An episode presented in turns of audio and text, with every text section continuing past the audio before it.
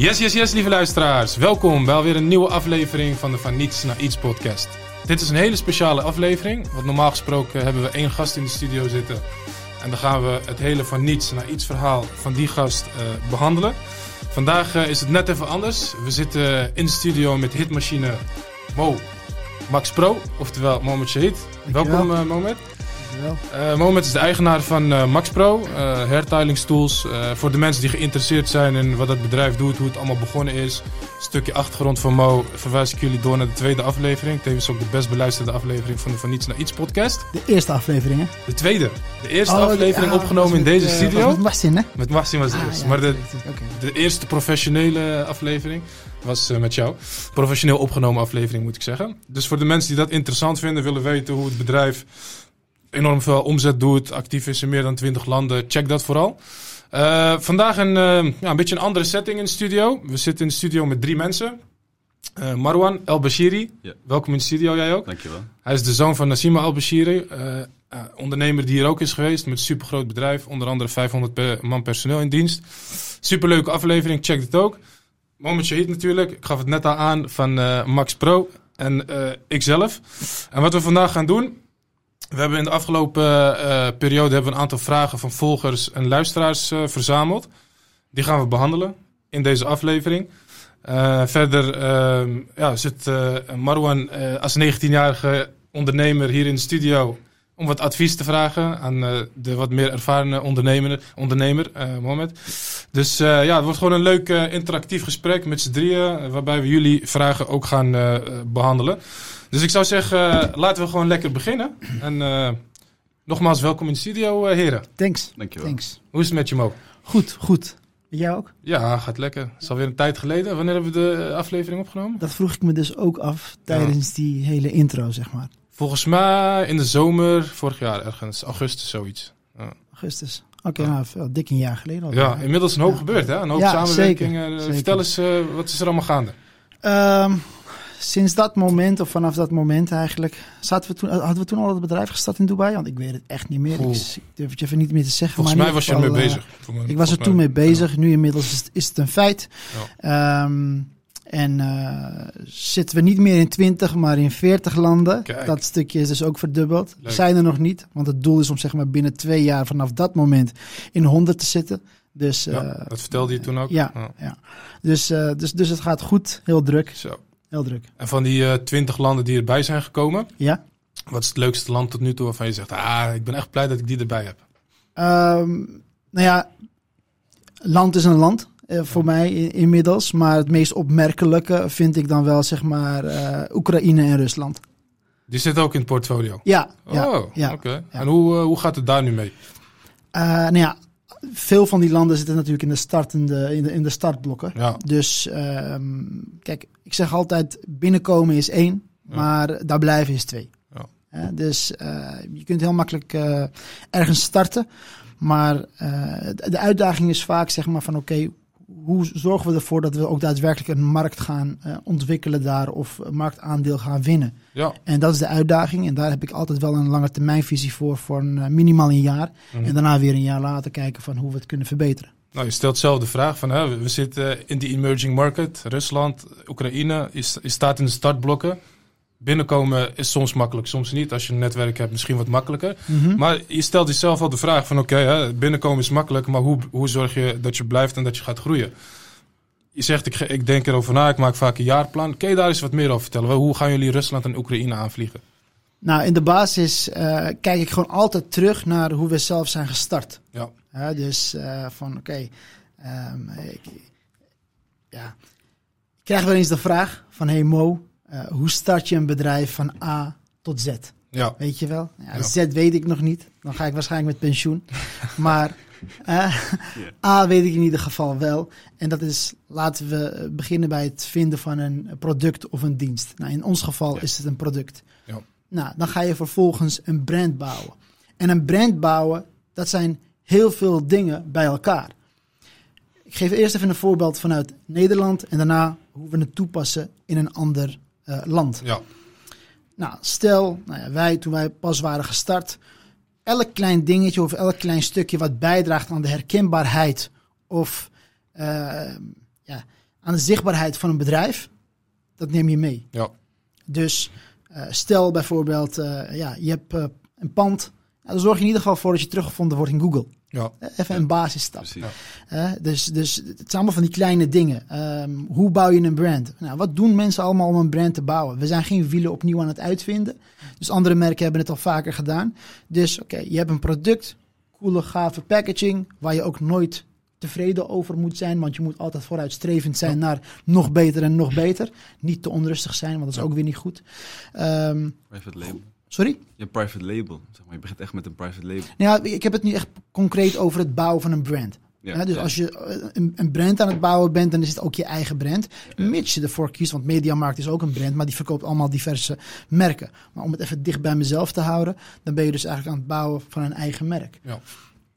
En, en dat kun je dan inderdaad ook private label noemen.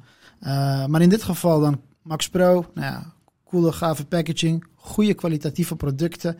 En daarna merk ik tegenwoordig dat mensen denken dat de enige manier om succesvol te worden tegenwoordig is om influencers te benaderen en met influencers te gaan werken. Ja. Wie of wat, wanneer ben je een influencer? Ja. Men noemt mij zelfs een influencer. Misschien een Terwijl- goede vraag voor, voor jou. Wanneer ben je een influencer? Weet ik eigenlijk niet, want ik heb diverse meningen gehoord.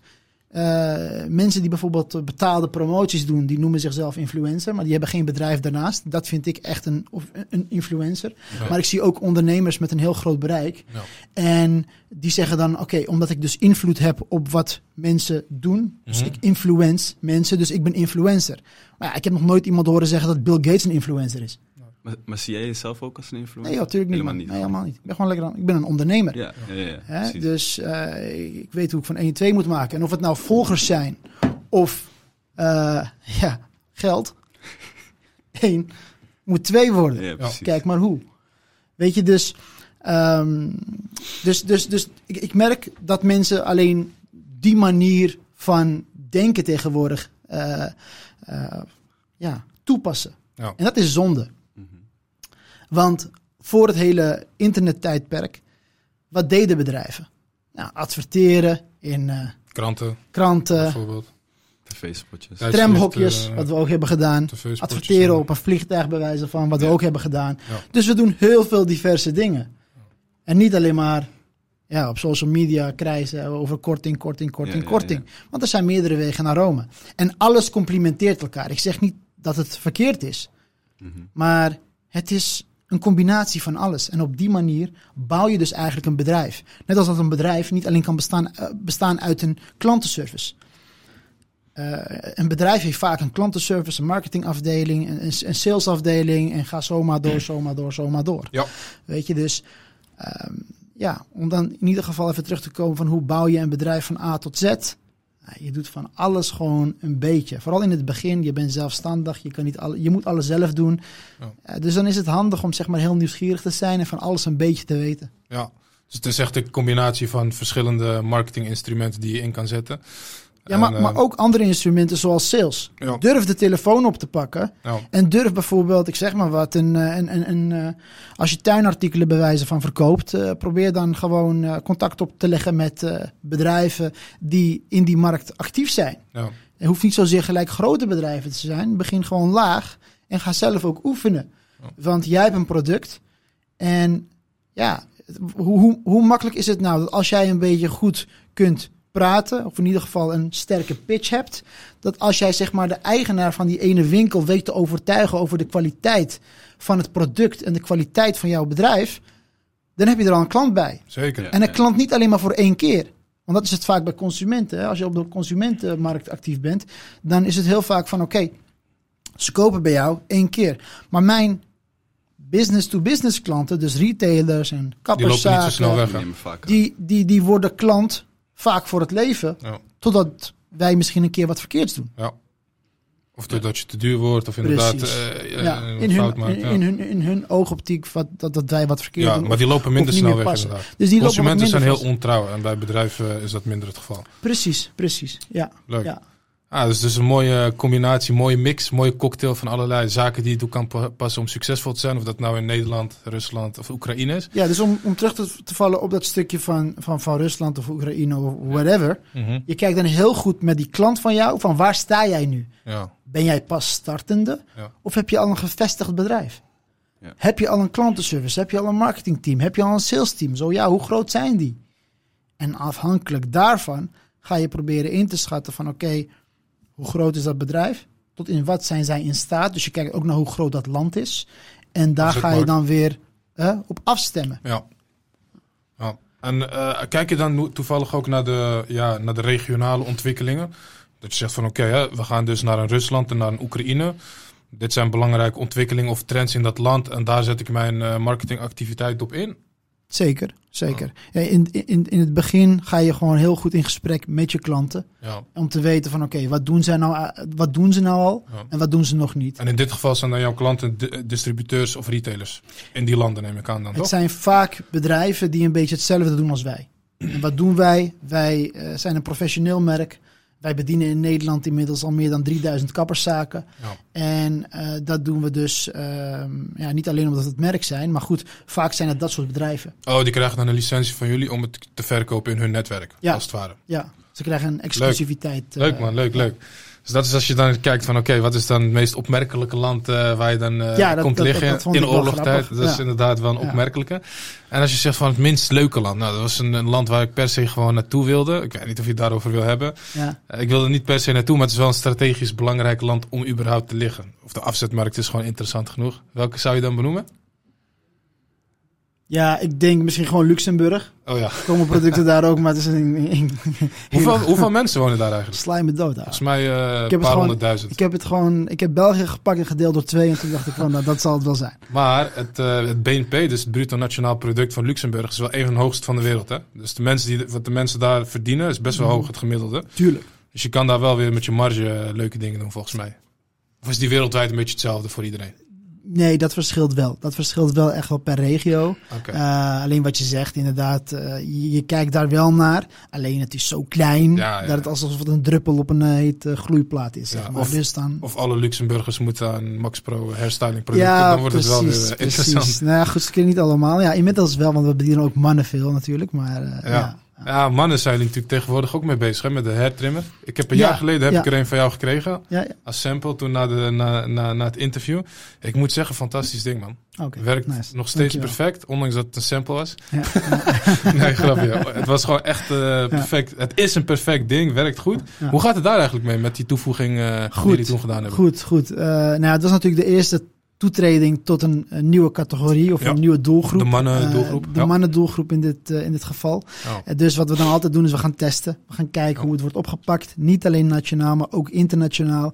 Ehm, en, en, en ja, wat grappig was bij dat product is, om, is dat wij het zeg maar wouden introduceren in Nederland, maar telkens moesten uit, eh, ja, Uitstellen. uitstellen inderdaad. Hoezo? Ja, omdat we al uitverkocht waren voordat het zeg maar Oh, de voorraad was er niet. Ja, Ja, ja, ja. Ja, Nee, weet je, dus dat je bent aan het forecasten en soms maak je daar ook wel eens eh, Ja, ja, problemen, zeker. eh, fouten in. Maar Maar goed, niet het- fout, er is gewoon veel vragen. Ja, Precies, nou, het, is, het een luxe probleem. Ja, Hè? luxe probleem, Dus, ja. Maar het is desalniettemin een fout. Want liefst, Ja, weet je, Apple heeft dat probleem ook wel eens. tuurlijk, tuurlijk. Maar Dus ook, zij erbij. zullen ervan balen. Absoluut. Zeg maar, weet je. Absoluut. Nu, nu je het hebt over voorraad, en dan had je het ook benoemd over Rusland en Oekraïne. Hoe zit het met het zeg maar, versturen van producten naar die landen? Gaat dat heel traag?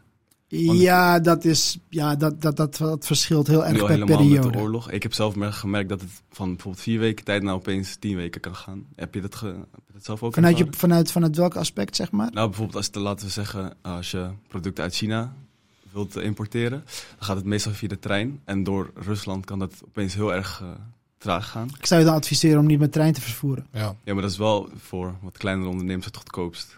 Met de, Ja. ja. Ik, ik, ik, ik, wat ik heb gezien in ieder geval in de markt, want ik ken die markt natuurlijk hartstikke goed, is dat die prijzen bijna gelijk aan elkaar zijn, vooral in deze periode. Ja. Ehm, de periode waarin het zeg maar eh, langer duurt eh, vanuit bepaalde continenten of naar continenten toe, ligt hem tegenwoordig voorna- voornamelijk in de rederijen. Eh, vertragingen daarin, zeg Ja. maar, weet je wel. Boten. Dus eh, Ja. ja. Ja. Maar ik denk dat jullie hebben een heel groot magazijn. Eh, ik denk dat jullie voornamelijk ook vanuit het centrale magazijn Ja, ja.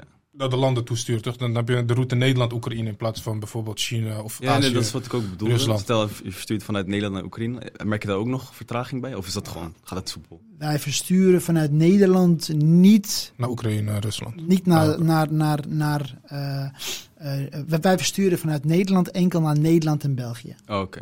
Ja? Oh ja, ja. Dus alles wat wij versturen naar de rest van Europa verloopt via Italië. Oké. En alles wat we dan vanuit daar, eh, daarbuiten weer, dus eh, voor een concrete, eh, vanuit Nederland doen we Nederland-België, vanuit Italië doen we de rest van Europa, Oh. vanuit eh, Dubai doen we dan de rest van de wereld. Ja, mooie hub. Mooie verdeling.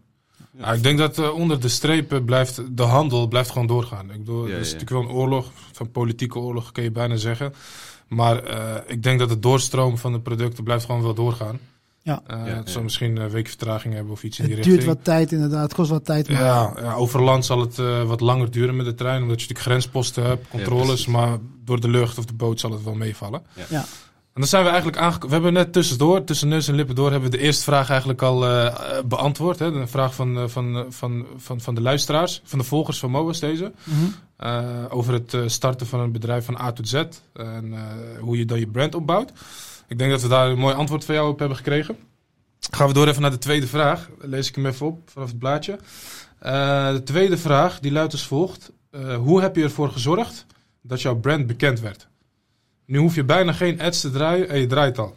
Hoe heb je de begin, beginfase overleefd? Het zijn eigenlijk twee vragen in één. Maar ik denk wel een, eh, ja, het was, ja, het is een mooie vraag. Zeg het maar, Mo. Ja, gewoon heel veel cirkeltjes maken en dan draai je gewoon lekker. nee, nee. nee. Dat is ook Ehm, een eh, strategie. Ja, daarom. Ehm, wij hebben nooit echt serieus, dus serieus, eh, ads gedraaid. Überhaupt. Oké. Ja? Dus het is niet zo dat ik eh, intern... En ads, dan hebben we het over eh, Google Facebook ads, Facebook. Google ads, eh, Ja. Instagram ads, noem het maar op. Is dat een Ads. bewuste keus? Of Sorry? Er bewust voor gekozen? Of is het nooit zeg maar, van toepassing geweest? Het is niet nodig. Dat is niet nodig. Ja. Nou, dus we hebben wel eens wat geprobeerd, hè? Om het gewoon een beetje te proberen, kijken wat het doet, dus en zo. Ja. Eh, dat ga ik niet ontkennen, maar we hebben nooit echt gezegd van... eh, een ton per week in Laat, steken. la, laat, precies, precies. Ja. Dus dat hebben we dus nooit echt gezegd. Misschien hebben we in totaliteit eh, nog geen 10.000 euro in die hele negen jaar geïnvesteerd in ads. Dus puur om te proberen. En dan was het tussen, eh, eh, tussen mond en lippen door dat ik tegen iemand zei van oké, nou ja, ga maar proberen, geen probleem. Ja. Iemand van, van de marketing. Ja. Dus, ehm, dus dat hebben we nooit echt gedraaid. Is omdat wij ons, en daar vergissen mensen zich nog wel eens in, omdat ze ons vaak op social media voorbij zien komen. Eh, denken zij dus dat we zeg maar influencers zijn, Ja. nogmaals. Eh, maar dat zijn we niet. We zijn gewoon ondernemers. Dus we verkopen onze producten al jarenlang naar eh, ja, retailers, zoals bijvoorbeeld een bol.com of een Mediamarkt of een Douglas. Dus zij doen dat al. Waarom zou ik hun dan nog eens in de weg gaan staan door hetzelfde te doen? En zij weten dat ik meer marge pak. Ja. Ja? Dus waarom zou ik dat doen? Dan ga je concurreren met je klant als Precies. En mijn klanten die zijn daar veel beter in. Dus ik geef hen liever de ruimte om dat te doen. Ja. Zodat zij het kunnen doen voor ons. En Ja. voor hunzelf natuurlijk. Ja. En zo verdient iedereen een boterham. Slim. Maar tegelijkertijd heb je natuurlijk ook nog het product. Product, van kwalita ja, kwalitatief goed product. Mhm. En wat krijg je als mensen een kwalitatief goed product gebruiken? Ja. Dan heb je natuurlijk de mond-tot-mond reclame. Heeft Precies. dat nog een grote rol gespeeld bij eh, het feit dat jullie bijna geen ads hoeven te gebruiken om succesvol te zijn? Ja, kijk. Ik, ik gaf het net al aan. hè, 3000 kapperszaken die onze producten gebruiken, maar ook verkopen in de salon. Mhm. Dus stel je eens voor. 3000 kapperszaken elke dag in, dag uit die onze tools gebruiken. Ja. Wat is het effect daarvan? Je zit op een stoel. Je ervaart de kwaliteit van het product. Ja. Als je niet ter plekke koopt, koop je hem later op de dag online. Overal te verkrijgen. Ja. En daarom was het heel belangrijk om overal. Mooie mix. Mooie mix van eh, de marketingpotjes van een Douglas met eh, weet ik veel hoeveel miljoen eh, marketingbudget inderdaad en een stukje kwaliteit van het product. Ja. En de professionele kappermarkt. Hè? Dus de professionele kappermarkt die jouw producten aanbiedt en aanprijst. Precies. Dat is perfect. Ja. Maar zo nu en dan hebben jullie wel wat kortingsacties die jullie zelf inzetten. Tuurlijk, maar dat hoort er tuurlijk, natuurlijk tuurlijk, ook bij. tuurlijk. Ja, maar we bereiken ook minimaal 5 miljoen mensen elke maand weer. Hè. Dus Ja. daar moet je dan wel wat via Snap. Ja. Ja. Ja. Damn. Mijn zus en ik zijn allebei eh, Snapstars, om het maar zo te zeggen. Ja. Eh, Officieel ook de gele ster, hè? Ja, ja, dat is dus die Ja, ja, ja, ja. Snapstars. Dat is die, die Maar officiële hoeveel volgers moet je hebben om zo'n ster te hebben? Of wat, Eh, waar moet je aan heeft, heeft voldoen? niks te maken met, met, met volgers. Mhm. Heeft, eh, heeft gewoon te maken met een aantal indicatoren. Dat is in de loop der jaren wel steeds moeilijker geworden. Maar ik denk gewoon eh, vooral, eh, Een stukje bereik, kwaliteit, kwaliteit van de content, denk ik. dat denk ik ja. Ja, ja. Maar dat weten we nooit zeker. Fantastisch. Ik zit even te denken. Ik moet hem weer even oppakken. Waar was ik ook weer gebleven? Want ik, ik had net Ja. een vervolgvraag in mijn hoofd over eh, dat stukje met eh, marketing, et cetera. Maar we laten hem even schieten. Mhm. Eh, oh ja, nee, dat was hem. Ik begon over de kortingen die je zelf af en toe ook geven. Ja. We hebben op dit moment, of jullie hebben op dit moment, hele leuke korting lopen. Mhm. We gaan er nu nog niks over zeggen. Ja. Mensen moeten blijven luisteren tot het eind van deze aflevering. ja. Hele, hele, hele dikke korting. Dus blijf luisteren om eh, gebruik te kunnen maken van die korting, mensen. Eh, oh, hoe lang loopt die korting trouwens? Want ik besef me ineens, deze Ja. aflevering wordt pas over een paar weken gepubliceerd. Dus dan is hij al voorbij. Dus we skippen hem. Maar, Maar we gaan wel misschien iets leuks bedenken voor aan het eind van deze aflevering. Ja? deal, doen we. Oké, perfect. Want de vorige keer hadden we dat beloofd, maar we waren vergeten te doen met de eerste, tweede aflevering. Oké. Yes, dan gaan we door naar de, even spieken, de derde vraag van de, volgers van eh, Mo. Die luidt als volgt, komt ie. Ik wil graag iets starten en heb heel veel ideeën. Echter heb ik daar het geld eh, voor nodig en ben ik eh, in loondienst en heb ik een gezin. Wat nu? Hm. Iets wat je vaker hoort, hè? Ja, heel vaak eigenlijk. Ik, hoor, ik, ik- los van deze Dus het zijn drie factoren. Ik va- vat hem even samen. Dus je wil iets beginnen, Mhm. er is risico en je hebt geld nodig en je bent vast in dienst. Wat doe je? Je moet mensen onderhouden. Ja. Je hebt een idee, Mhm. hou die idee vast. Je bent in loondienst, spaar tot in hoeverre dat kan. Tot je een eigen vermogen creëert. En daar kom ik zo nog even op terug. Wat waren die andere twee indicatoren? Eh, je bent verantwoordelijk voor, eh, voor een gezin. Oké, dus inderdaad, en kom dat eh, na. Vo, vo, vo- voldoe, voldoe die plicht en spaar daar waar nodig. Ga Ja. in gesprek met je vrouw en eh, hopelijk zal ze je daarin supporten. Waardoor het, zeg maar, het draagvlak groter is. Ja. En die- aan die laatste? Dat was hem eigenlijk. Dat was hem, het, het- cool. het waren drie elementen. Dus een stukje geld, een stukje verantwoordelijkheid, een stukje risico wat je loopt met, met het opzeggen van je eventuele vaste baan. Ja. Maar hoe vast is vast nou tegenwoordig? Ja, goed. Kijk, weet je, wij, wij, wij zijn negen, negen jaar geleden gestart. Negen jaar, Ja. toch? We waren gestart met 5000 euro. En eh, dit jaar tikken we de 40 miljoen aan. Sjal. Dus, ja. Als ik het kan, kan jij het ook. Ja. Het zijn hele simpele dingen die ik zojuist heb opgenoemd. Hè. Spaar gewoon. Spaar 5000 gewoon. euro moet lukken, denk ik. Maar wat je wel merkt, dat soort mensen zitten vaak in zo'n comfortzone. En Ja. die vinden het te eng om eruit te stappen. Ja. Laten we zeggen, je zit in loon die je zou part-time kunnen werken. Maar dat is voor hun echt een risico. Ja.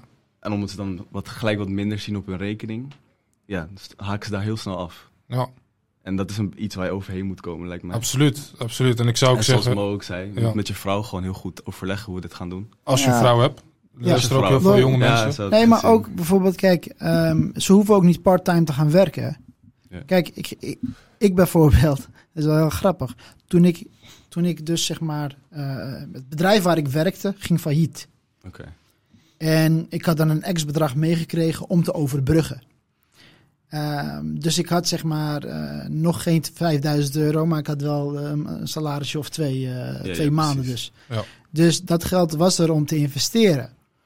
Vervolgens ben ik niet gaan zeggen van oké, ik pak dat geld en ik investeer het volop in het nieuwe bedrijf. Nee, wat ging ik doen? Ik ging eh, koffers sjouwen in de ochtend van 6 uur s ochtends tot 11 uur of tot 12 uur Mhm. Ja, ja. Half dag. bij Schiphol. Mhm. Dus eh, koffers, bandwerk, bla, bla, Ja. Gewoon niet nadenken, gewoon doen mentaliteit. Ja. Weet je wel? Ja, ja. Ik, ik wist dat ik daar dat, ik- dat ik beter kon. Maar goed, ik deed het gewoon omdat ik dacht van oké, dan heb ik in ieder geval een inkomen.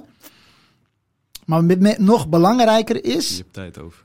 om 12 uur ben ik klaar wakker. En dan kan ik dus bouwen aan mijn bedrijf. Ja, precies. Ja? Dus ja, jezelf een beetje opofferen, denk ik. Ja.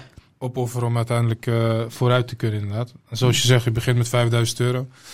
Eh hoe kan ook kleiner. Je hoeft niet per se met 5000 euro te beginnen. Maar, maar vooral ook geloven in jezelf. ja, hè? ja, ja. Ik bedoel, kijk, dat ik dit zo zeg, eh, klinkt heel makkelijk en voor iedereen uitvoerbaar. Maar iedereen struggelt, zeg maar, zo met zijn eigen denkwijze. En daarin moet je dus eigenlijk heel sterk in zijn. Weet je? Ehm, geef je maar een voorbeeld. Mensen zeggen bijvoorbeeld ook wel eens vaker tegen me: "Hey, Mo, je moet gaan trainen. bla, bla, bla, bla." Ja, ik weet niet waar dat precies vandaan komt, want ik voel me gewoon lekker. Maar Ja, ik ben, traint ik, met, ik eh, ben, het, ik ben manier. het wel met hun eens dat ik zeg maar wat fitter wil zijn. Niet zozeer vanwege het feit omdat ik dan aantrekkelijker ben of weet ik veel wat dan ook. Of, of verzin het maar. Maar omdat ik me dan beter voel. Ja, het is gewoon goed voor je. Maar ook met de gedachtegang, en daar struggle ik zelf dan mee. Hè, dit is dan een eigen struggle.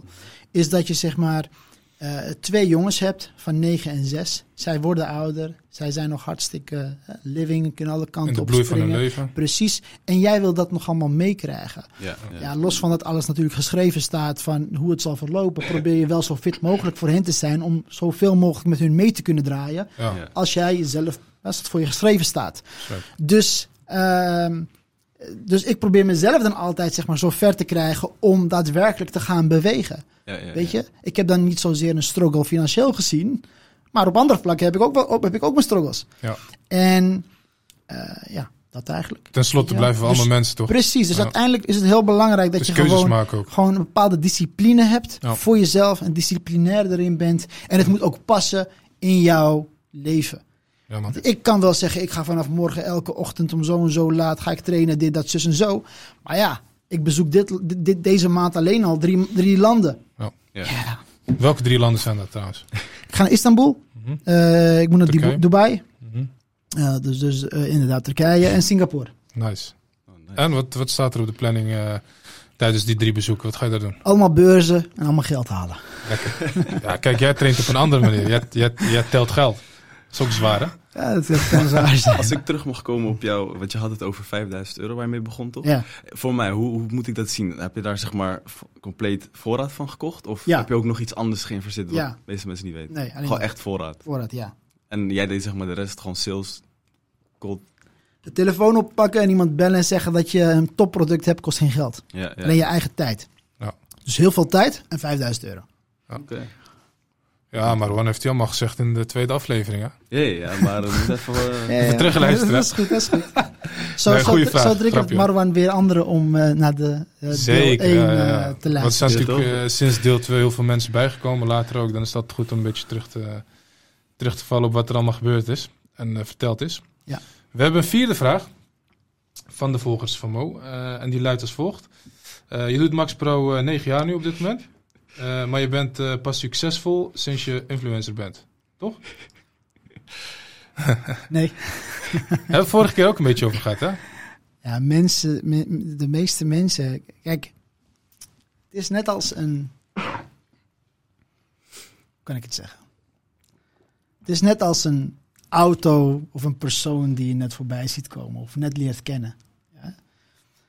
Je kent het verleden niet. Precies. Ja. Dus, dus, dus jij ziet mij nu, op een bepaalde manier, maar je weet nog niet echt wat we zeg maar al hebben gedaan. En van een auto weet je niet eh, of die ingetrapt is of niet. Je ziet de auto, maar je weet niet hoe iemand ermee is omgegaan. Precies, Ja, precies, inderdaad.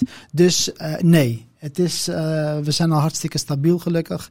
eh, en hebben een hele sterke supply chain neergezet, alhamdulillah. Dus eh, in dat opzicht, weet je, gaat het nu gewoon goed. Maar blijven we hartstikke scherp voor veranderingen in de markt. Want je moet nooit te comfortabel zijn, om het maar zo te zeggen. Ja. Ehm, ja, dus in dat opzicht, nee. Ik, ik, ik onderneem al negen jaar. Eh, alleen jij ziet mij dan. En hoe lang ben je actief, echt actief op social media? Ja, dat dus die, die periode dat ze me zien. Ja, dat is hoe lang nu? Nu bij, bijna misschien drie jaar. Ja, ja, inmiddels want ik wou net Ja, zeggen, want ja. ik heb natuurlijk tijd gevolgd, ook voordat we het eerste Ja, interview hebben gedaan. En wat, wat me toen opviel, is dat jullie eh, heel veel beursdeelnames hebben gedaan. Heb je de vorige keer ook eh, benoemd. Mhm. Je hebt extreem veel beursdeelnames gedaan. Dus in de eerste vijf jaar dat jullie actief waren, vier, vijf jaar. Ja, En eigenlijk vanaf het moment dat jullie, denk ik, wat is het, twee, drie, 400 beurzen erop hadden zitten. Vanaf dat moment ben je eigenlijk pas bezig gaan houden met social media. Dus je was, in principe heb je de fundering al opgebouwd. Je hebt dan bepaald succes. En dat social media verhaal kwam er later gewoon bij als een stukje, ja, een stukje communicatiekanaal en branding. ja precies. Ja, precies. dus en en ook door- je bent niet succesvol door social media, maar je doet het er gewoon bij omdat je het leuk vindt. sterker nog, als we kijken naar ons eigen bedrijf nu, Max Pro. hè, Max Pro Hair, eh, dat is dan het Instagram-kanaal op, eh, op, eh, op Instagram. Ja. En eh, die kanaal wordt niet eens beheerd door iemand van ons intern. Wat natuurlijk hartstikke zonde is. En daar heb ik dus nu nog een vacature voor openstaan. Die heb ik pas online gezet. Dus weet je, die focus ligt bij ons niet zozeer bij social media. Ik begrijp dat het een heel belangrijk onderdeel is. En daar zijn we heel, ons heel erg bewust van. Dus daar zijn we ook mee bezig. Alleen, eh, we hebben een hele andere stabiele kant. Dus nogmaals, het is niet de enige manier om eh, successen te Nee. kunnen boeken. Nou, bij jullie is het voornamelijk dat netwerk wat jullie hebben opgebouwd door kei en keihard te werken. Beurzen, salesgesprekken, netwerken.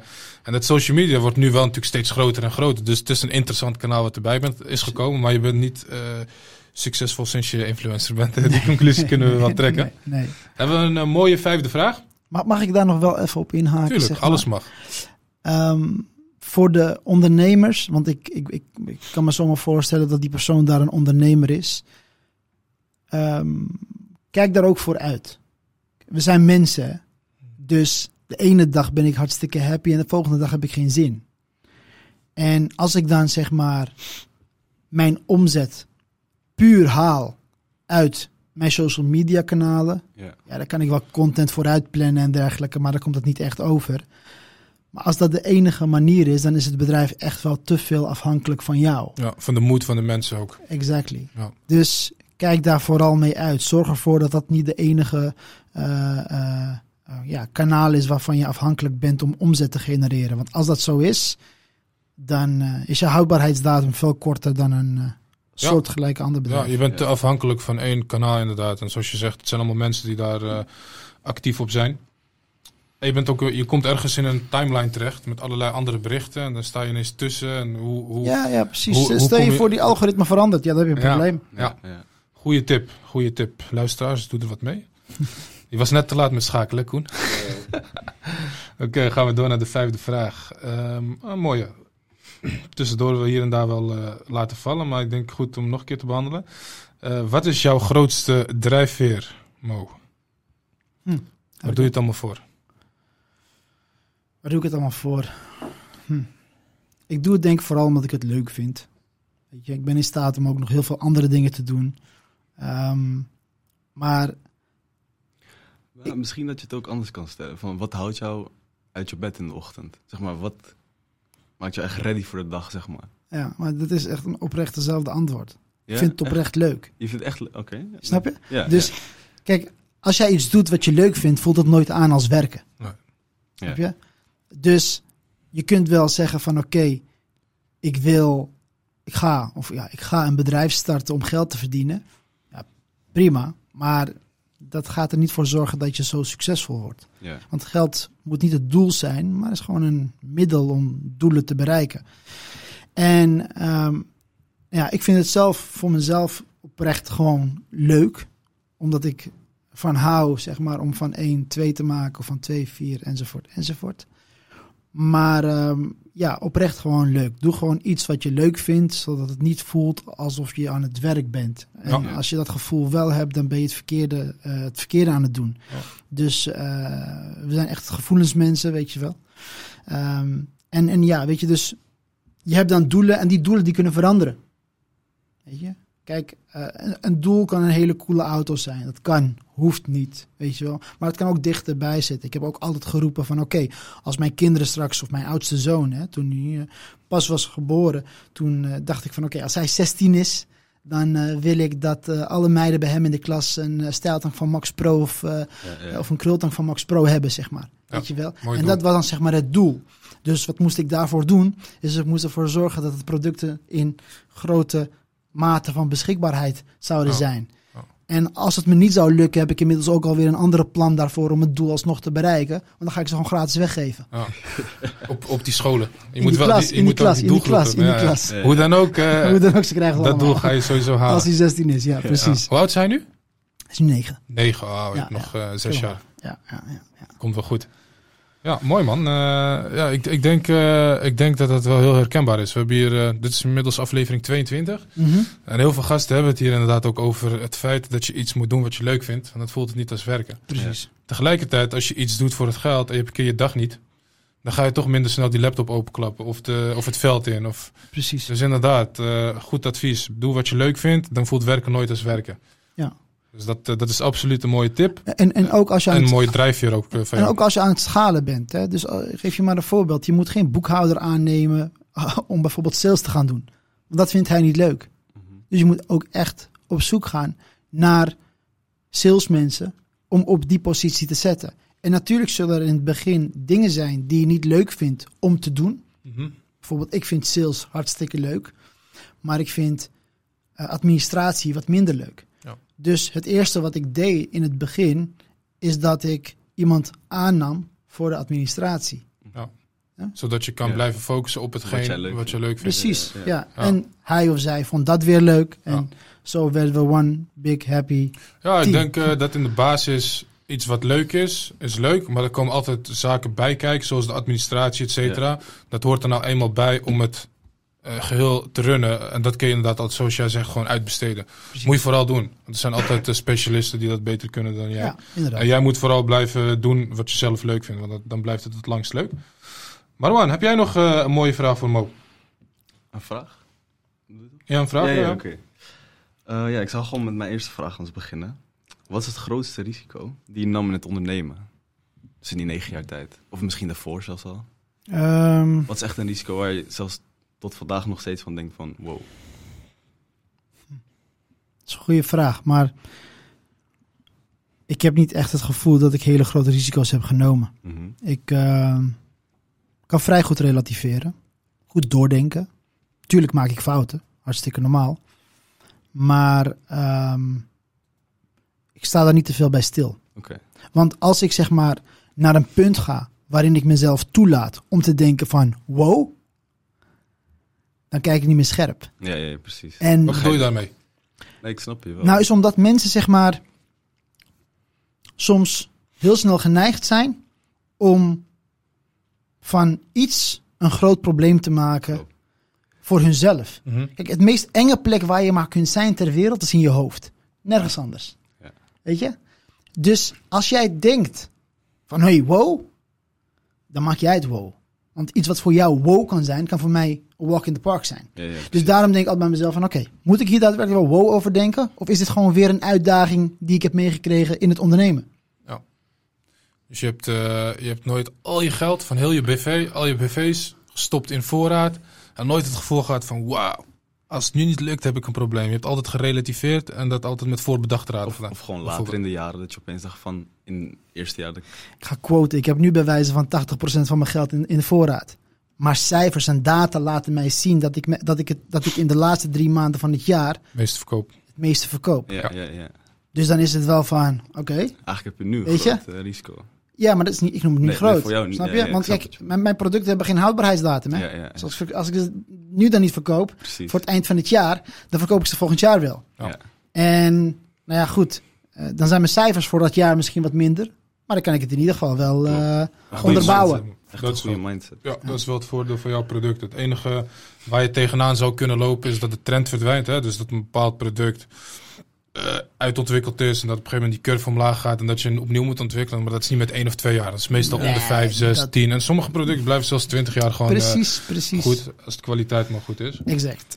Mooi, dankjewel voor je vraag Marwan. Ik pak even de volgende vraag op eh, die wij zelf voorbereid eh, hebben, die wij eh, terug hebben gekregen van de volgers van ons Instagram account, van iets naar iets. Die luidt als volgt. Ehm, hoe was je school slash geschiedeniservaring? Even wat bedoelt diegene mee? Ik denk, ik denk gewoon je schoolervaring, laten we het daarop houden. Mijn schoolervaring, eh, net Oh. zei ik ook al, als ik het kan Ik, jij sorry, mag ik even? Ja, ik tuurlijk, denk dat diegene gewoon bedoelt je schoolervaring, dus wat je Ja, gestudeerd gewoon, hebt. En, eh, misschien, hè?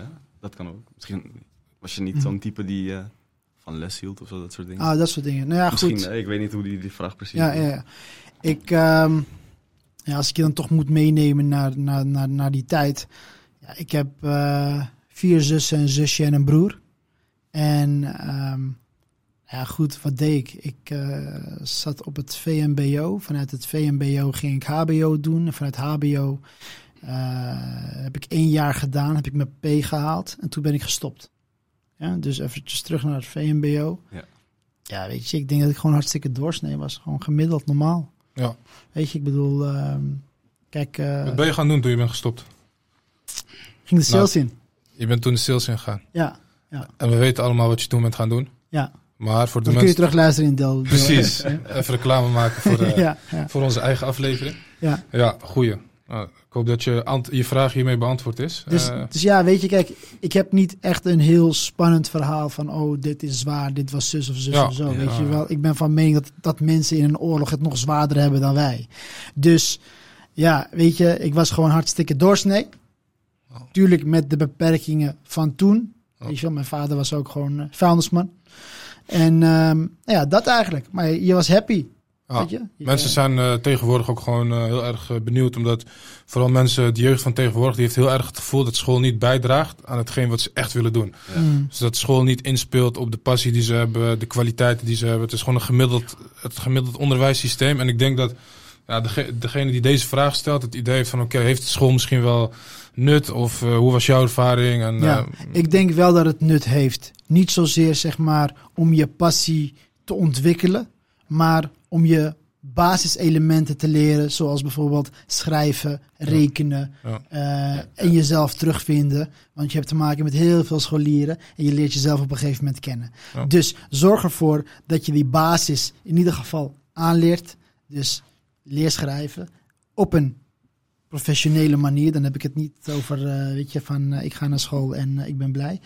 Maar gewoon op een kwalitatieve manier te schrijven, maar ook jezelf ehm, eh, te uiten. Dat, kun je trouwens, dat laatste kun je ook nog gewoon leren op je werk. Mhm. Maar ehm, ja, ik denk dat dat gewoon heel belangrijk is. En vanuit die positie kun je nog altijd kiezen. Misschien vind je je passie wel terug en wil je denk ik bijvoorbeeld architect worden of, of eh, chirurg. Nou ja, dan heb je school gewoon nodig. Afhankelijk van wat je, wat je passie is. Ah, ik heb ook wel eens neefjes die tegen mij zeggen van, ja, weet je, pff, eh, ik eh, word sowieso rijk later of ondernemer. Wat heb ik nou aan school? Weet je wat ik tegen die mensen altijd zeg? Ik zeg, luister, luister heel goed. Je hebt nou jouw school, heel simpel hè. Op het moment dat je niet iets hebt waarvoor, waarvoor, waarvoor je wil gaan, voor volle 100%, waarvan je zegt, dit is mijn passie, hier geloof ik in. Als je dat moment nog niet eh, voor je hebt, als je dat moment nog niet bereikt hebt, blijf op school. Precies. Je kan niet zeggen van oké, ik zeg mijn school op en ik ga gewoon even, eh, ik ga even kijken of er iets op mijn pad komt, de wet van de aantrekkingskracht. Ja, Nou, je probeert wel al iets te hebben waar je naartoe kan werken. En dan zou ik zeggen van oké, als je je basisschool, middelbare school hebt gehad, heb je in principe genoeg rekenvaardigheid, schrijftaal, Precies. weet je hoe je een mail moet schrijven in Ja, het Engels en ja, het Nederlands. Dan zou je kunnen zeggen van oké, Bill Gates, et cetera, die hebben dat ook allemaal gedaan. Tuurlijk. Maar die hadden iets waar ze aan gingen werken in de garage. Ja, ja, ja. Steve Jobs ook. En, eh, dus niet zomaar je baan opzeggen, blijf vooral studeren. ja, ja. En, en, en als, als je iets anders hebt waar je aan wil werken, doe dat. Zolang je maar iets hebt om eh, wakker voor te worden. Ja, exact. Niet dat je wakker wordt en denkt van wat moet, wat moet ik nou gaan doen. Precies. Goeie, goeie. Volgende. Eh, wel, eh, wat is een concrete tip die iedereen in elke branche direct toe kan passen? Hmm. Mooie vraag. Ja, zeker. Tegelijkertijd ook heel breed. Ja, Ja, elke zeggen. branche direct toepassen. Maar wel concreet. ja. Dus een tip die ze standaard kunnen toepassen in elke branche. En direct toepasbaar. Dus waar je geen plan voor hoeft te schrijven. Of, eh, Dat is wel echt... eh, Ja, is het meest makkelijk. Ik weet er wel eentje. Ik ook. Zeg maar. Starten, Starten. doen. doen en bellen. Ja. Als jij iets hebt wat je, eh, wa- wa- die je middels eh, cold calling kan, iets wat je middels cold calling kan verkopen, gewoon bellen. Of Ja, ergens naar binnen lopen. Ja. Zoals je zegt, start, gewoon doen. Let's go. ja, dat is een- waar de meeste mensen op uh, Ja, blijven weet je, hangen, toch? ik, ik, ik ging dan gelijk heel breed doordenken. Ik dacht van oké, is goed. Groothandels kunnen bellen. Weet je, brands kunnen bellen. Online shops. Mama, ligt eraan of je een B2B-tak wil hebben. Maar een koffieshop of een, eh, weet ik veel, een theehuisje of whatever. Ja. Die kunnen dat wat, wat minder, zeg maar, weet je wel. Dus eigenlijk gewoon doen. Ja, Weet je, dus, dus dat is echt wel mijn, mijn, mijn, mijn, mijn, mijn, eh, mijn antwoord, is van doen. Ja. Eh, als je ergens in gelooft, denk het door en, en doe het gewoon. En ik snap dat diegene misschien op zoek is naar een tip wat ze in elke branche kunnen doen. Maar goed, het ligt er maar net aan dan weer. welke positie staat je bedrijf. Binnen die branche, zeg maar, weet je. Dus het is een hele brede vraag waarbij je niet één antwoord hebt. Goed voorbeeld van gewoon doen was van eh Nassima Al-Bashiri. Die is hier ook geweest, de moeder van eh, Mr. Marwan. Ja. Die eh, begon toen met een schoonmaakbedrijf. En die, eh, die liep gewoon met een mapje ergens naar binnen. Toen ze nog eh, eigenlijk geen mensen in dienst hadden. Die liep ergens bij een kantoor naar binnen. Die zegt, oh eh, ja, wij kunnen dit en dit aanbieden. Oh, daar zie ik nog wat zitten. Eh, en trouwens ook eh, voor eh, de helft van de prijs of iets in die richting. Dus die had letterlijk nog geen mensen in dienst. Geen klanten. Of misschien één klantje of twee. En Ja. ja, die, die is letterlijk met niets begonnen. En die ging gewoon ergens naartoe. Die ging gewoon... Precies. En die deed gewoon zoals jij zegt, eh, Mo. Dus dat is zeker een eh, goed advies. Hopelijk is je vraag hiermee beantwoord. Hebben, eh, hadden jullie nog iets toe te voegen op deze vraag? Marwan, jij misschien? Nou, ik kan zeg maar wel begrijpen wat Mo zegt, van gewoon doen. Want soms vind ik mezelf daar ook wel in dat ik, laat me zeggen, ik wil een webshop beginnen en dan denk ik, ah, ik moet nog dit tweaken, dit moet echt perfect. Nee, gewoon doen, starten, al ziet het er niet heel goed uit. Ja. Gewoon beginnen, toch? Ja, precies. En het hoeft niet altijd perfect te zijn. Gewoon beginnen en dan vervolgens krijg je wel feedback. Kijk, weet je, een van de grootste bedrijven in Nederland zegt het ook. Hè? Coolblue zegt elke dag een beetje beter. Juist. Dus zij zijn Ja, zich ook bewust van het feit dat zij niet perfect zijn. Klopt. Maar dat ze elke dag een beetje beter worden. En dat kan voor jou dus ook zijn. Mooie uitspraak inderdaad van eh, Pieter Zwart. Je krijgt ook elke dag meer data als je het gewoon gaat doen. In dit geval dan even een voorbeeld van Coolblue. Je krijgt heel veel data van klanten. En aan de hand van die data kun je een beetje beter worden. Precies. Maar als je op je lui stoel blijft zitten en alleen maar plannen maakt en niet doet, krijg je geen terugkoppeling. Je doet niks, je hoort niks in het veld eh, of van diegene die je belt. Dus je kan je eh, businessmodel niet Het aanpassen. is eigenlijk heel simpel. 20 seconden iets doen heeft nog steeds meer waarde dan Ja. 20 minuten denken over wat je kan Ja. doen. Ja, ja, ja. Simpel. Heel goed. Mooi advies. Gaan we door naar de volgende, volgende vraag. Eh, hoe ga je om met concurrenten die hetzelfde product verkopen als jullie? Niet? Je kijkt er niet naar. Nee, het valt niet eens op. Nee, nee, nee, nee. Tuurlijk, het valt altijd wel op. Ehm, kijk, ze verkopen dezelfde producten als wij. Eh, in die branche zijn we toch nog best wel een nieuwkomer, om het maar zo te zeggen. Vooral als we kijken naar op wat voor podium we opereren. Ja. Ehm, dus eh, ja, ik kan natuurlijk niet alle concurrenten in de gaten houden. En wat ik daarmee probeer te zeggen is dat ik mij niet alleen focus op Nederland. Inmiddels is, is Nederland eh, sinds vorig jaar niet meer onze grootste, eh, grootste land, zeg maar, waar we onze inkomsten vandaan halen. Ja. Dus dat is ook wel Wat is op nu een het grootste moment gaan verschuiven, Duitsland. Leuk. En ehm, dus, dus wat je dan doet, zeg maar, is dat jouw focus eh, gaat verplaatsen naar andere landen. En je kijkt naar de ontwikkelingen daar. En niet zozeer naar je concurrenten. Want ik denk niet dat je je moet bezighouden überhaupt met concurrenten. Moet je Duits moet je- spreken en eh, moet je die mensen allemaal volgen en checken. Bijvoorbeeld, maar ook omdat het helemaal geen toegevoegde waarde zal brengen naar je bedrijf toe. Want wat is uiteindelijk het doel van elk bedrijf? Het doel is om in ieder geval tevreden klanten te hebben. Dus je moet je voornamelijk bezighouden met je klanten en niet met je concurrenten. Want als jij je bezig gaat houden met je concurrenten, dan ga je dezelfde fouten maken als je concurrenten. Terwijl je precies juist beter probeert te zijn dan je concurrenten. Dus houd je niet bezig met je concurrenten. Maar totaal niet bezighouden met je concurrent. Of natuurlijk wel een beetje zeg maar afkijken. Van, Afkijken in de zin van. nou, laten we zeggen, zij, eh, zij zitten bij eh, zeg maar die groothandel. Van nee, zou ik daar ook binnen kunnen komen? Ja, oké, nee, tuurlijk. Maar, maar dan kijk je dus niet zozeer naar die concurrent omdat hij bij die groothandel zit. Dan kijk je naar die groothandel. Snap je Ja. wat ik bedoel? Ja, Daar moet jij je dan op focussen. Tuurlijk, je ziet ze wel voorbij komen. We gaan, we gaan ze niet negeren. Maar je houdt je er niet mee bezig. Snap je? En, en functies op je, laten we zeggen, op je krultang of zo. Zeg maar, Ja. kijk je dan bijvoorbeeld, die hebben een functie die jij dan niet hebt. Zou je dat dan toevoegen, omdat zij dat hebben? Of kijk je Eh, daar gewoon helemaal niet naar? Nee, nee, nee. Dat, dat, dat is inderdaad een goede, zeg maar. Want naar concurrenten kijken kan op heel veel diverse manieren. Eh, als we dan puur gaan kijken naar producten, proberen we daar wel vooruitstrevend in te zijn. Dus ehm, Wel echt competen natuurlijk dan. Ja, maar goed, dan, dan, dan kijk je eigenlijk net als. ehm, geef je maar een voorbeeld. Elektrische auto's op dit moment. Marktleider, Tesla. Ja. Dus waar kijken al die merken naar? Is naar Amerika of naar in dit geval Tesla. Maar goed, die markt is wat kleiner en weet je, is wat Mhm. meer eh, geconcentreerd. Maar ehm, eh, wat je dus doet, is je kijkt, je kijkt wel zeg maar naar merken die vele malen groter zijn dan jij. En je, je ziet waar, waar ze mee bezig zijn op het gebied van productontwikkeling. Weet je wel? Kijk, soms eh, zie ik wel eens wat mogelijkheden eh, binnen onze branche. eh, of binnen bepaalde categorieën van producten. Maar dan ben ik van mening dat het nog te vroeg is. Ja, ja. Weet je? En soms inderdaad zie ik bijvoorbeeld een ontwikkeling bij een merk. En dan ben ik daar heel vroeg bij. Omdat ik natuurlijk wereldwijd al die beurzen bezoek, zie ik ook heel veel en heel snel. En dan denk ik van, oh, dit is iets waar we inderdaad ook wat mee kunnen. Ja. Dus dat moeten we dan ook toepassen. Dus inderdaad, op die manier wel. Laat Ja, je wel ja, ja. inspireren. Laat je wel inspireren door je, door, door, je, door, je, door je concurrenten. Vooral als ze groter zijn als jij. Maar raak er niet door geobsedeerd. Ja, hou je niet Ja. veel ermee bezig. Absoluut. Precies. En Want concurrentie is sowieso gezond, hè? Precies, precies. Eh, Kijk, de concurrentie is juist een hele gezonde, dat houdt je scherp. Ja. En, en, en houdt je ook dan creatief. Dus wees en blijf vooral creatief. Mensen willen tegenwoordig niet meer creatief zijn. Soms krijg ik berichten van, hey Mo, ik heb geld, ik wil wat doen, ik weet niet wat. Kan je wat voor me vertellen? Kan kan je me vertellen wat ik kan doen en hoe ik het moet doen? Oké, is goed. nee, niet dus. Eh, kan ik niet. Nee, Weet je, dus een probeer een beetje creatief te zijn. Nou, Ik bedoel, dat eh, Steve Jobs is ook geïnspireerd geraakt door Nokia. Ik bedoel, hij heeft gewoon gekeken naar Nokia. Hij heeft ze niet gekopieerd, maar door middel van creativiteit, zoals jij zegt, heeft hij op een bestaand product Ja. een innovatie doorgevoerd, waardoor heel Nokia niet meer bestaat. Nee, maar, maar, maar, maar, dat is het ook nu ook een beetje het ding in de hele wereld. Hè? Ik bedoel, sinds Steve Jobs, sinds hij met revolutionaire dingen is gekomen, zoals bijvoorbeeld een iPhone, een iPod destijds. Hij Mhm. kwam met heel veel revolutionaire dingen. IPod, iPhone, tablet, of of de iPad in dit geval. Eh, en de laatste dan, wow, wil ik niet echt spannend noemen, maar een iWatch. Ja. Sindsdien, wat is er gekomen nog?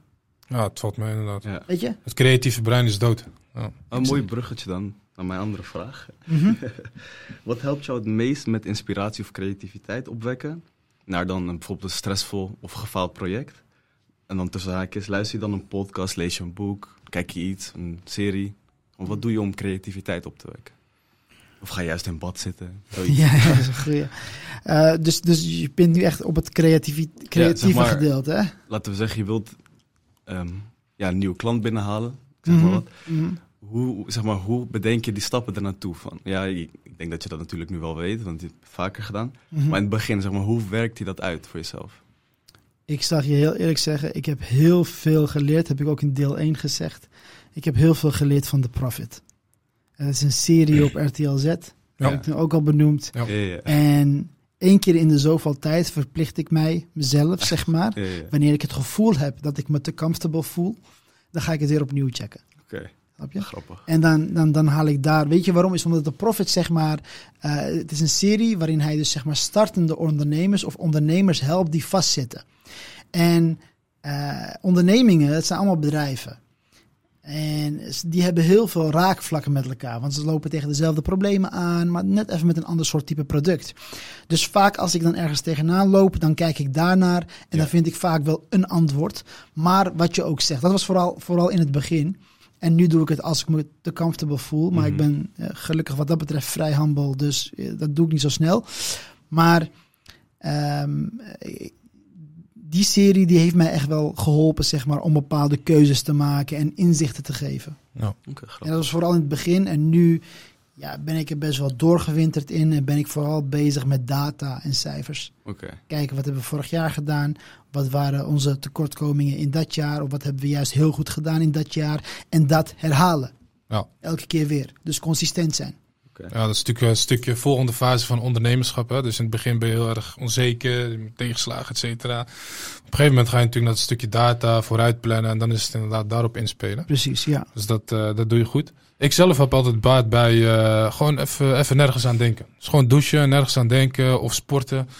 Nergens aan denken. En dan komt meestal de oplossing voor het eventuele probleem komt vanzelf. Dus ik heb Ja. dat heel erg met ontspanning. Oké, oké. En voor jou is dat dan de profit kijken, is ook een stukje ontspanning. Het is En ook dan ontspanning, specifiek- want ik zit op de Ja, bank en het is niet dat ik er echt gekluisterd aan zit, maar dan zit ik gewoon half in mijn telefoon en half te luisteren. Want ik ken al die afleveringen inmiddels wel.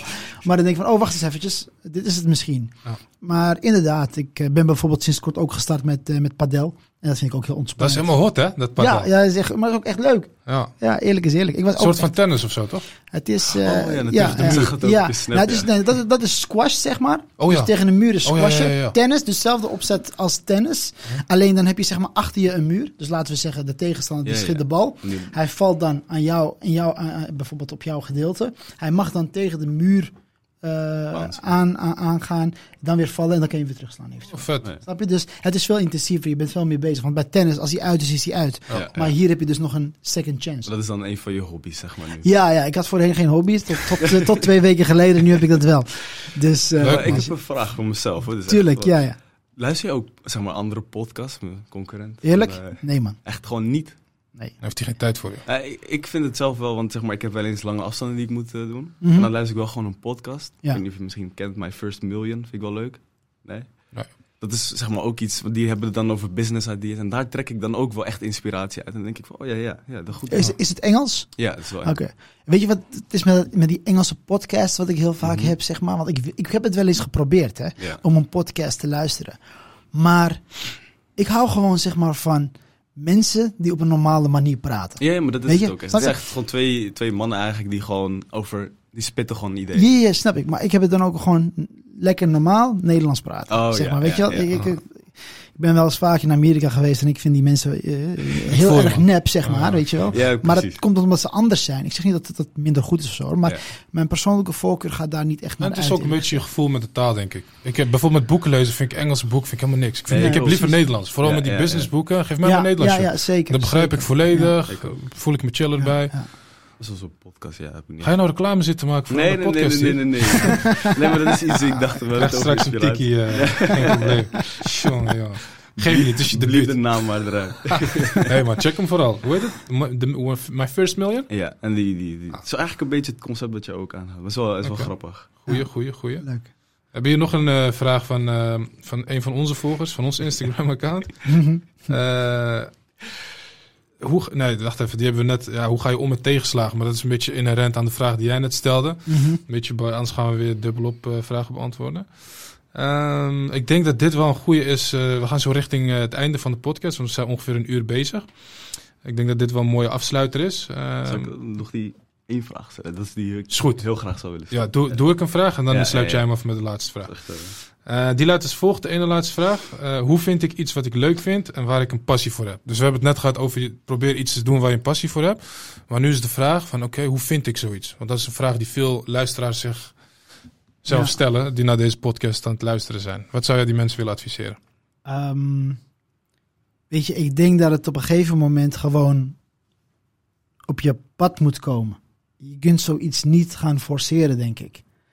Weet je, dat, dus kijk, ehm, bij mij eh, was het zo dat ik eh, was gestart als sales guy bij diverse ondernemingen. En ik vond dat stukje vond ik leuk, alleen de manier van managen vond ik dan niet leuk. Dus de manier waarop mijn managers mij gingen managen, dat vond ik niet leuk, want het moest altijd meer en meer en meer en meer en meer zijn. Maar ik vond de sales op zich wel leuk. Dus op een gegeven moment, toen ben ik eh, weggegaan bij sales en ging ik iets anders doen. Toen ging ik dus zeg maar mensen managen, en aansturen en aannemen. En dat vond ik ook heel leuk voor een bepaalde periode. Alleen de passie zat hem dan niet zeg maar in de functie, maar in het bedrijf. Ik vond het bedrijf waarin ik werkte hartstikke leuk. Dus ik miste het salesgedeelte wel. Alleen ik had mezelf beloofd nooit meer te gaan werken voor een, eh, voor een manager in, in, die, in die branche, zeg maar, Ja. sales. Omdat ik wist dat ze in grote lijnen hetzelfde zijn. Ja. Ik, ik, ik train mijn eigen eh sales managers immers ook zo op. Dat ze ook zo moeten zijn. Omdat het werkt voor die, voor, voor die variant, zeg maar, va- van het bedrijf. Of, of dat gedeelte van het bedrijf. Ehm, maar desalniettemin is het niet de manier waarop ik het leuk vind, zeg maar, om gemanaged te worden. Maar er zijn ook heel veel mensen die het wel gewoon kunnen. Hè? Maar het is een persoonlijke voorkeur. Dus eigenlijk, eh, doordat ik zeg maar diverse dingen heb gedaan, ben ik erachter gekomen wat mijn passie is. Ja. Passie, of wat je Ja. leuk vindt, of wat Ja. ik leuk vind. Dus ik vond het leuk. Klinkt heel gek eigenlijk om te zeggen om geld te verdienen, maar want zo gedreven door geld ben ik nou ook weer niet. Maar ik eh, ik, vond, gewoon- ik vond de kick gewoon heel leuk, zeg maar. Weet je wel, van, om van niets iets te maken. Je? Bereikt echt wat. Daarom ben ik hier ook voor de tweede keer op deze podcast. Weet je wel, ik vond van niets naar iets vind ik gewoon hartstikke leuk. Nee, dus, dus ik, vond, ik vond het leuk om van niets iets te maken.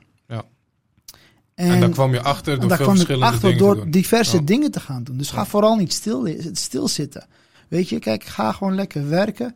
En als je een idee hebt, betekent niet dat dat de enige manier is om die eh, idee uit te voeren door gewoon te blijven wachten tot er iets op je, op je pad komt. Nee, ga andere dingen doen. weet je wel. Eh, en, en, en op een gegeven moment kom je erachter. Ja. Weet je, ik bedoel, ja, sommigen hebben het geluk dat ze, dat, ze, dat ze hun liefde van hun leven in één keer vinden. En de anderen die moeten een paar keer daten. Ja. Weet je, dus eh, Ja, ja, ja. En raak vooral niet eh, teleurgesteld als je iets probeert en het lukt niet. Of je bent heel veel verschillende dingen aan het doen en je vindt je passie niet. Blijf gewoon doorzoeken, toch? precies, inderdaad. Niet te veel bij stil, de- eh, stilstaan.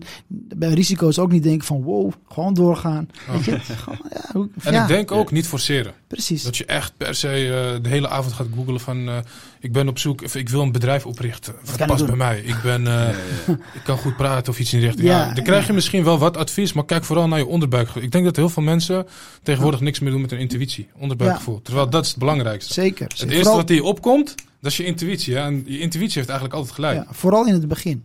Ook voor je bedrijf, om je bedrijf te sturen. Ja. Luister naar je intuïtie, totdat je het hebt, totdat het echt staat en het groter is dan jijzelf. Dan moet je luisteren en kijken naar cijfers. En een goed team om je heen bouwen. Ja, ja precies. Mooi. Oké. Marwan, jij had nog een eh, mooie vraag in de Ja. koker, toch? Ja, laatste Vertel. vraag dan. Je bent weer 21. Wat zou je anders doen? Als je dus zeg maar de branche waar je nu in zit niet mocht kiezen. Wat zou je dan doen? Als ik deze branche niet mocht kiezen, Ja.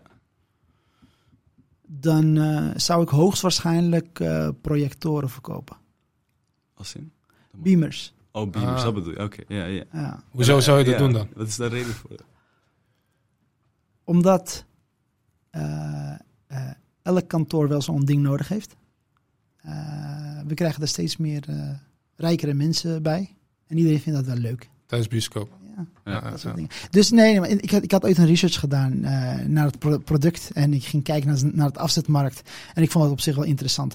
Maar in de basis niet zozeer projectoren. Maar niet uit wat, joh. Ik, ik, ik- Maar dat, dat is dan als product. Maar wat zou Ja. jij, zeg maar, de stappen die je nu bereikt, wat zou je iets anders? Helemaal hebben niks. Niks, gewoon Nee, hetzelfde. ik zou- Hou ze gewoon doen wat hij leuk vindt. ik Ja. zou precies Sales, waarschijnlijk met verkopen, dezelfde ex-vrouw hebben, hebben, hebben getrouwd. eh, getrouwd Ja. geweest. Alles. Want Ja. weet je, eh, ik ben niet, niet happy, zeg maar, op het moment. Dus ik ben hartstikke happy met de persoon wie ik ben. Dus als ik 21 ben en ik mag puur die branche niet kiezen, dan doe ik alles hetzelfde. Om uiteindelijk weer te komen waar ik nu ben, want ik ben nu happy. Ja, ja, precies. Oh. Snap je? Dus je, als, je, als je zegt van oké, goh, ik zou dit of dit anders doen. Natuurlijk misschien een paar her en der kleine keuzes anders maken. Maar ook weer niet, want daar leer je weer van. Want dat zou moeten betekenen als ik die fouten niet had gemaakt, had ik het ook niet geleerd. Oké. Ik denk dat, dat je vooral zegt dat, eh, dat je op je 21ste al wist wat je wilde. Je wist, je wist, je wist wat je passie was, je wist eh, hoe je happy kon worden. En of het nou eh, projectoren, hairstyling tools of Lamborghinis verkopen is. Ja, het maakt allemaal niet uit. Je had het allemaal gedaan op je 21ste. Ja. Dus dat, eh, dat is een mooie. Is daarmee je vraag beantwoord, eh, Marwan? ja, zeker. Kijk.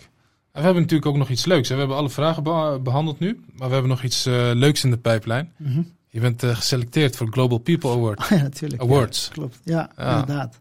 Hoe, eh, vertel daar eens meer eh, over als je wil.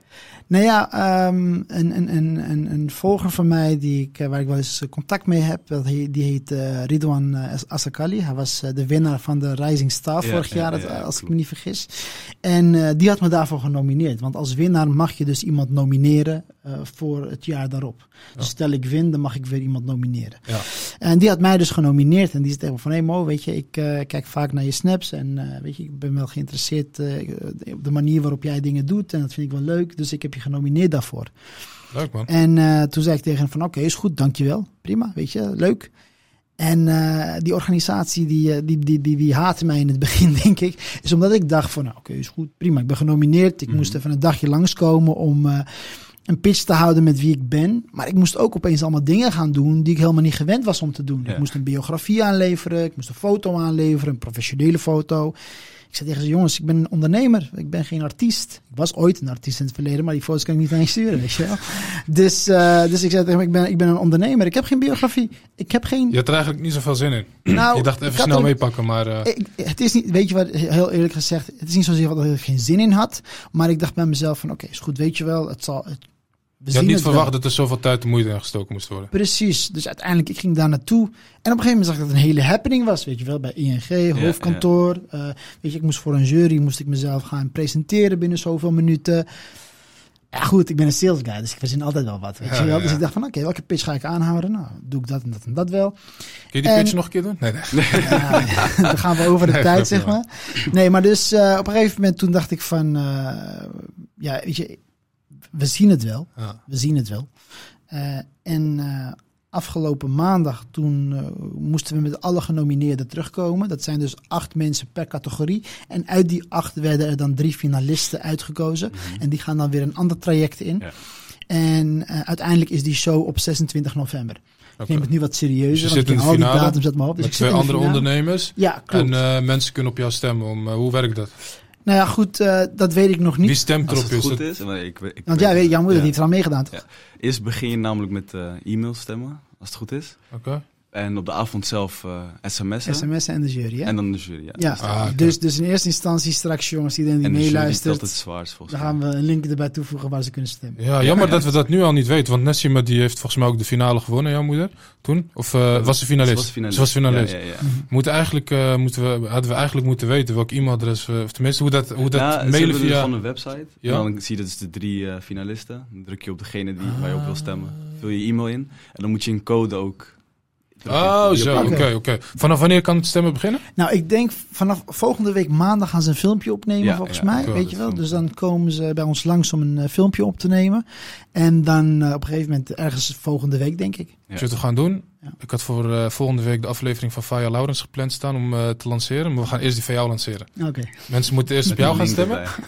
Ja, niet de link erbij. Ja, de link erbij inderdaad, maar sowieso de website van Global People. Dus Ja, volgens mij globalpeople.com of globalpeopleawards.com.